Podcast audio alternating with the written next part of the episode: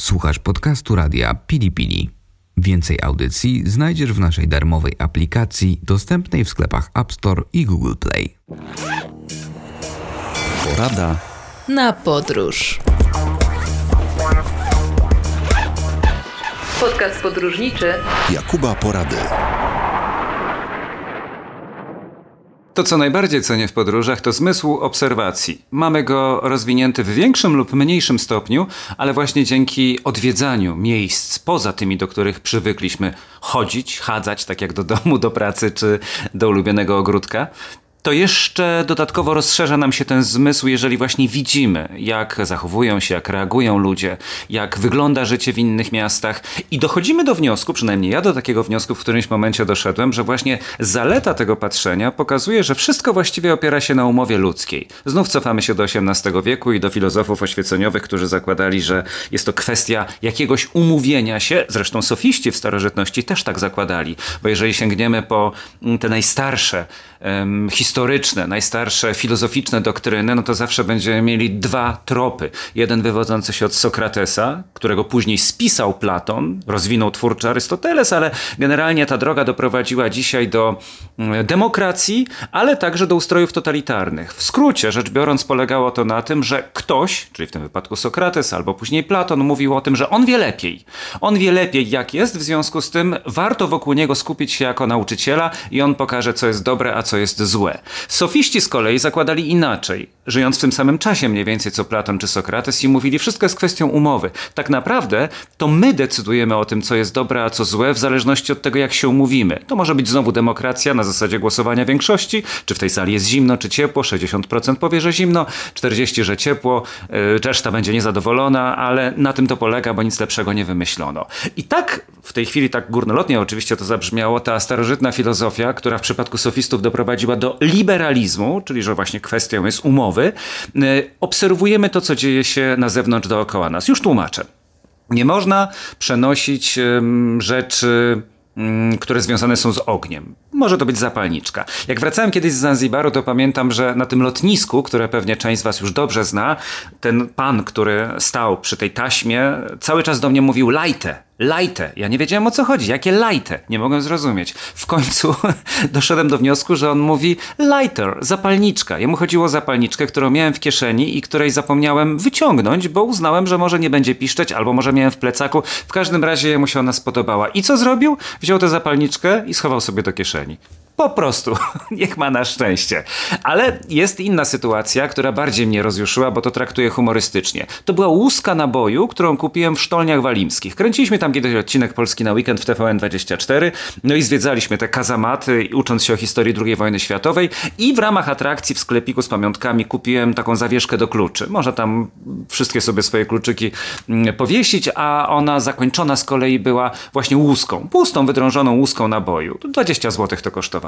No i pamiętam, że wsiedliśmy do samolotu, bo akurat wtedy lecieliśmy samolotem e, z Wrocławia do Warszawy. No i bez problemów się to wszystko odbyło. Wyciągnąłem klucze, przeszły przez check-in, doleciałem do Warszawy. Za parę tygodni lecimy na kolejny odcinek. Wsiadam e, w Warszawie do samolotu i nagle okazuje się, że klucze przejść nie chcą. Chociaż nie, w Warszawie przeszły, natomiast w Poznaniu bodajże nie przeszły. Innymi słowy, na jednym lotnisku powiedzieli mi, że nie ma problemu, a na drugim lotnisku, ale w tym samym kraju, powiedzieli, że to jest atrapa broni. W związku z tym nie może przejść przez check-in i zdziwili się, kiedy powiedziałem, że na innym lotnisku w stolicy one nie zostały zakwestionowane. Pani po prostu odpięła tę moją kochaną łuskę za 20 zł, tę pamiątkę i wyrzuciła do kosza, więc przykro mi się zrobiło, ale uświadomiłem sobie, jak to wszystko zależy od sytuacji. Tak jak butelki z płynem. No ktoś kiedyś wpadł na pomysł, że nie można płynów przenosić, dlatego że nie daj Boże skonstruuje się z nich, gdyby ktoś miał złe zamiary, jakąś bombę. W związku z tym trzeba pozbyć się wszystkich płynów i dopiero po przejściu przez check-in za gigantyczne pieniądze kupić butelkę wody mineralnej albo jakiś inny napój, który kosztuje znacznie drożej niż przed bramką,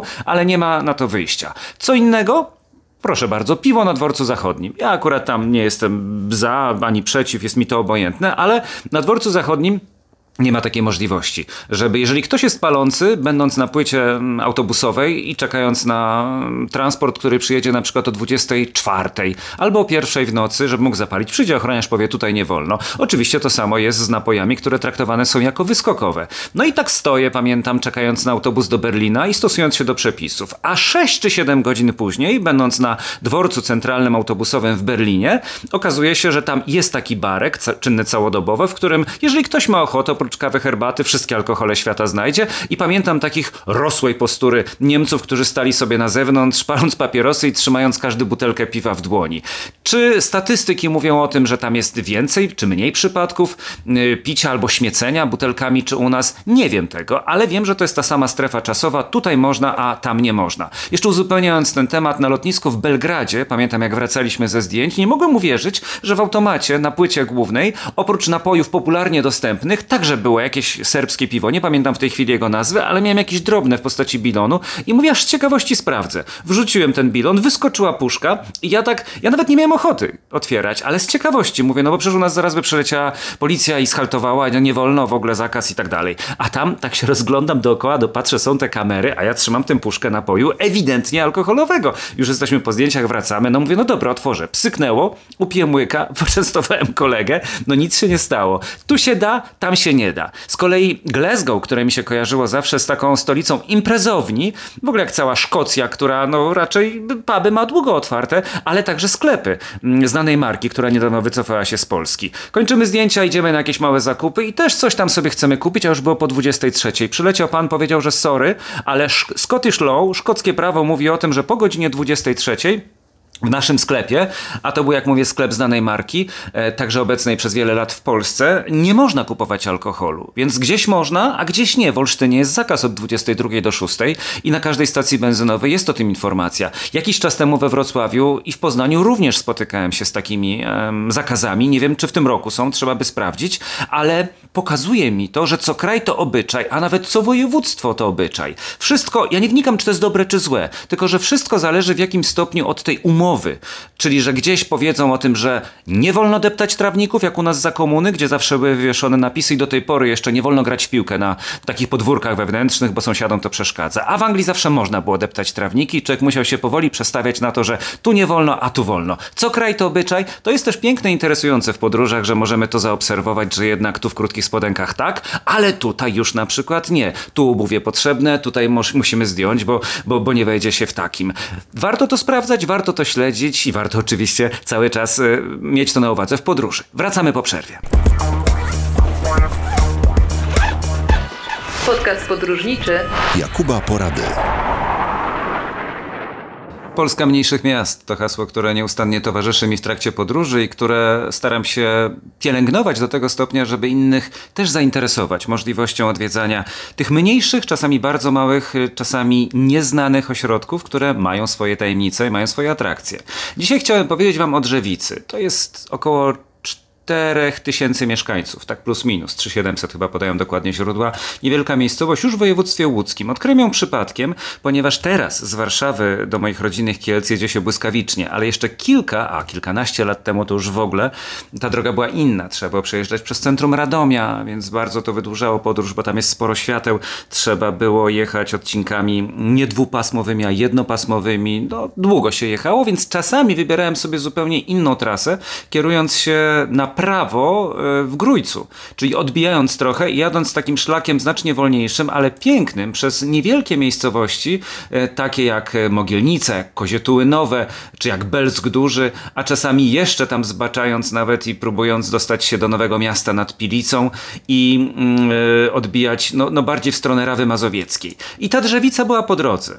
I Kiedyś przejeżdżając mówię, bardzo ładne miasto. Taki maryneczek, jak ja lubię, gdzie dookoła siedzą okoliczni mieszkańcy, trochę staruszków, trochę lokalnego elementu, to zawsze występuje. Knajpa, kościół, no to jest wszystko, co potrzeba. Jezioro Drzewickie też mi się bardzo podobało. No i później zacząłem sobie czytać i sprawdzać, co ja w tej Drzewicy znajdę.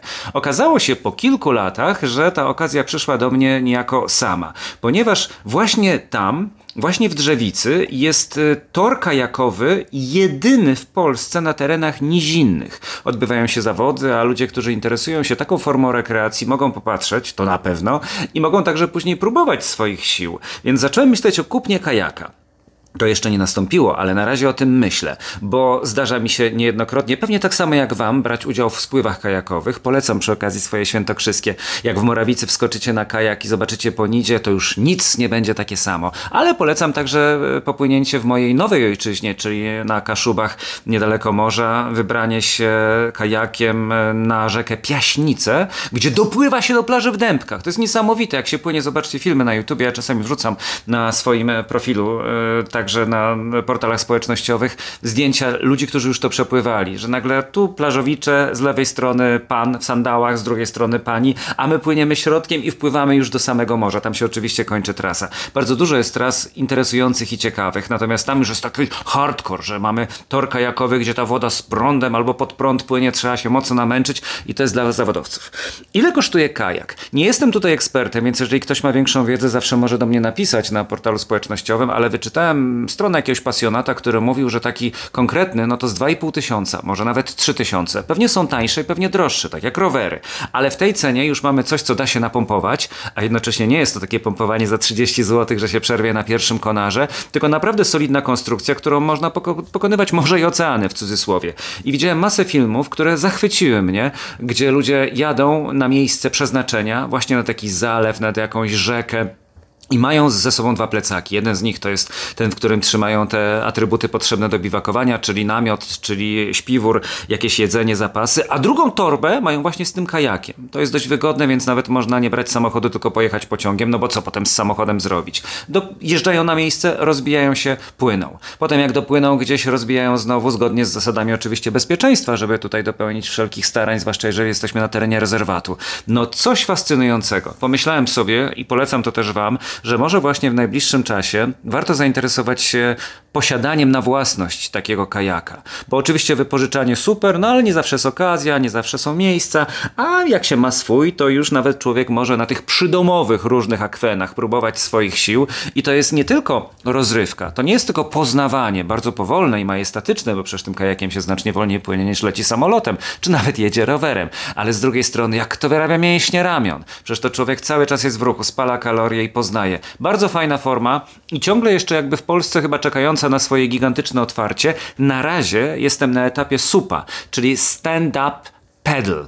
Innymi słowy, ta deska, na której się stoi, machając wiosłem z lewej i z prawej strony. Mam za sobą pierwszy raz, bo w Olsztynie na zdjęciach na jeziorze Ukiel dano mi do spróbowania i przekonałem się, że nie święci garnki lepią. Tak jak są dyscypliny, których nie znam jeszcze, może to być kitesurfing, wymagające przygotowania. Raz kiedyś próbowałem nad e, zatoką, no było to ciężkie dla mnie i po takiej 15-20 minutowej lekcji, a to trzeba było w programie robić dość szybko. Oczywiście niewiele z tego zapamiętałem, ale trzeba się przygotować, żeby wreszcie zrobić ten swój pierwszy raz. A w stand-up paddle czyli w supie, można to robić od razu. Innymi słowy, stanąłem na tej desce, trochę mnie tam chybotało, ale utrzymałem się i zacząłem posuwać się w głąb jeziora, później zawróciłem. Ku rozpaczy reżysera nie wpadłem do wody. Bardzo była zimna woda, więc zależało mi, żeby to się nie stało, ale pewnie wcześniej czy później, jak będzie jakaś fala, jak spróbuję nad morzem, to nastąpi.